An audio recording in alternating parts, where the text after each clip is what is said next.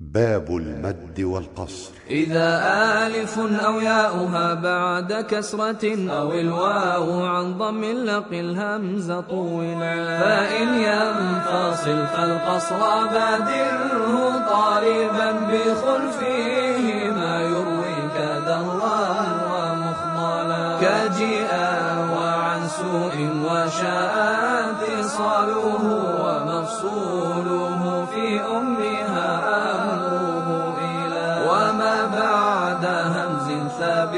أو مغير فقصر وقد يروى لورش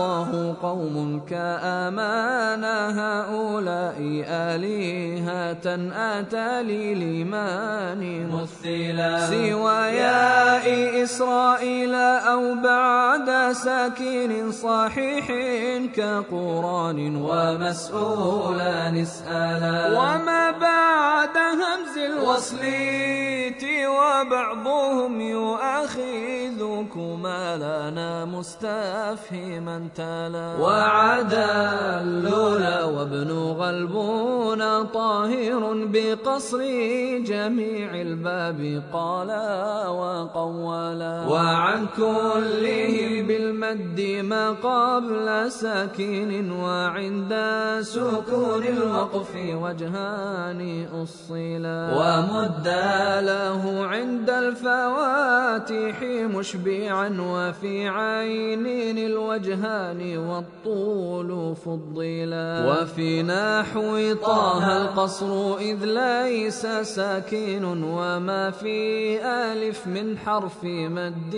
فينطلا وإن تسكن اليا بين فتح وهمزات بكلمات نواو فوجهان جملا بطول وقصر وصل ورش ووقفه وعند سكون الوقف للكل أعملا. وعنهم سقوط المد فيه وورشهم يوافقهم في حيث لا همز مدخلا. وفي واو سوءة خلاف لورشهم وعن كل المودة قصور وموئلا.